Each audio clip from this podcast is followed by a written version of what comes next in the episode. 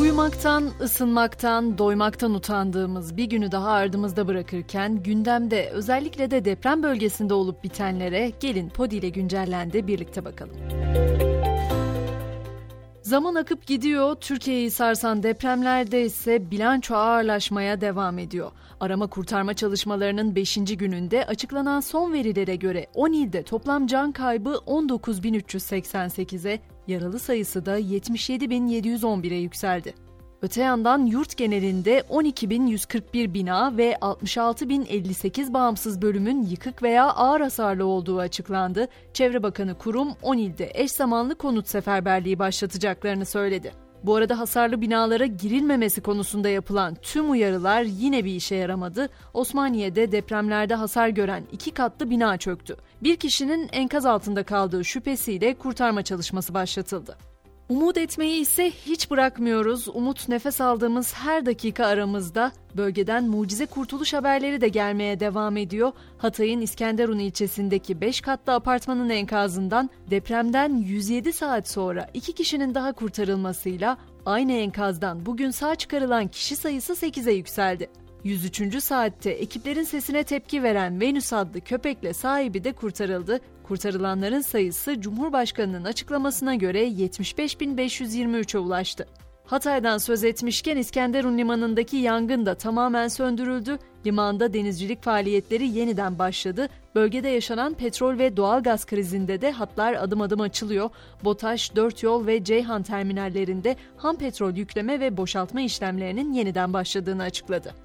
Kurtarma çalışmaları sırasında çok fazla bebek ve çocuğun kurtulduğunu görüyoruz ama hepsi maalesef ailelerine ulaşamıyor. Aile Bakanlığı yaralı 162 çocuğun tedavisinin sürdüğünü, 18 çocuğun ailelerine teslim edildiğini açıkladı. 101 çocuksa tedavileri sonrası bakanlıkça bakıma alındı. Bir yandan da deprem kurbanları toprağa veriliyor. Antakya'da oluşturulan deprem mezarlığında numaralanan mezarlara defin yapılıyor. Bu arada sosyal medyada çok fazla kefen ihtiyacı olduğu bilgisi de yer alıyor. Gelelim Cumhurbaşkanı Erdoğan'ın açıklamalarına. Erdoğan bugün Adıyaman'daki çadır kente ziyaret etti. Çadırda kalmak istemeyen depremzedelere bir yıl kira yardımı yapılacağını söyledi. Ayrıca oturduğu binası yıkılmış veya ağır orta hasar görmüş vatandaşlara hane başına 15 bin lira taşınma yardımı yapılacak.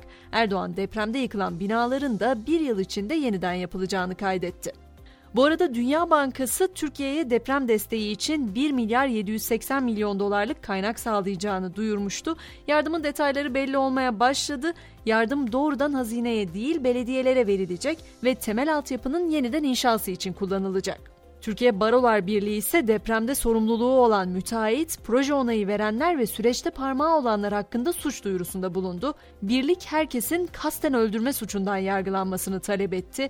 Gaziantep'teki 12 katlı Emre Apartmanı'nın ise kolonlarının kesildiği iddiasıyla mahkemelik olduğu ortaya çıktı. Savcılık bu iddia üzerine soruşturma başlattı. Son gelişme ise günlerdir belki de en çok konuşulanlardan cennetten bir kare diye satılan Hatay Antakya'daki Rönesans Rezidans. O binayı inşa eden Antis yapının sahibi Hüseyin Yalçın Coşkun gelen şikayetler ve istihbaratlar sonucu bugün Sabiha Gökçen Havalimanı'nda Karadağ'a kaçarken yakalandı.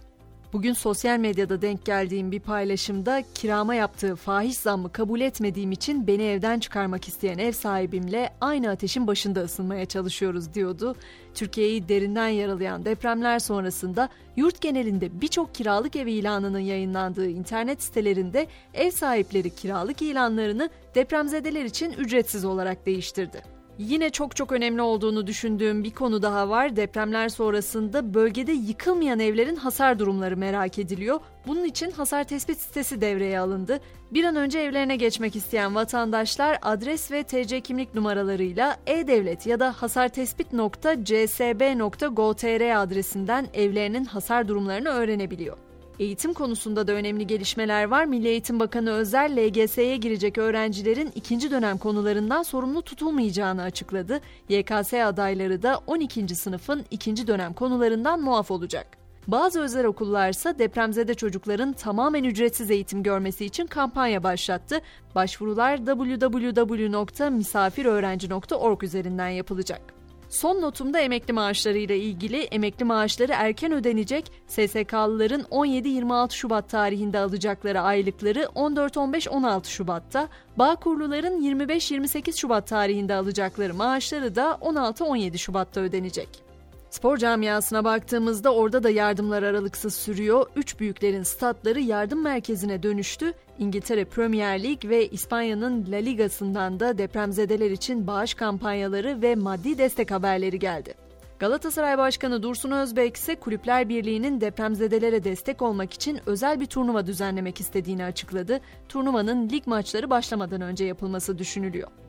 Ve bu akşam güncelleni hepimizi sarsan depremin ardından böylesine büyük acıların yeniden yaşanmaması adına düşüncelerimizi de bir sarsmalı ve sorgulamalıyız belki de diye düşünerek Stefano Danna'nın bir sözüyle nokta koymak istiyorum. Dürüstlüğün, doğruluğun, erdemli olmanın seviyeleri düştüğünde insani felaketlerin, adaletsizliklerin ve doğal afetlerin şiddet seviyesi yükselir diyorum. Pazartesi günü yeniden görüşünceye kadar şimdilik hoşçakalın.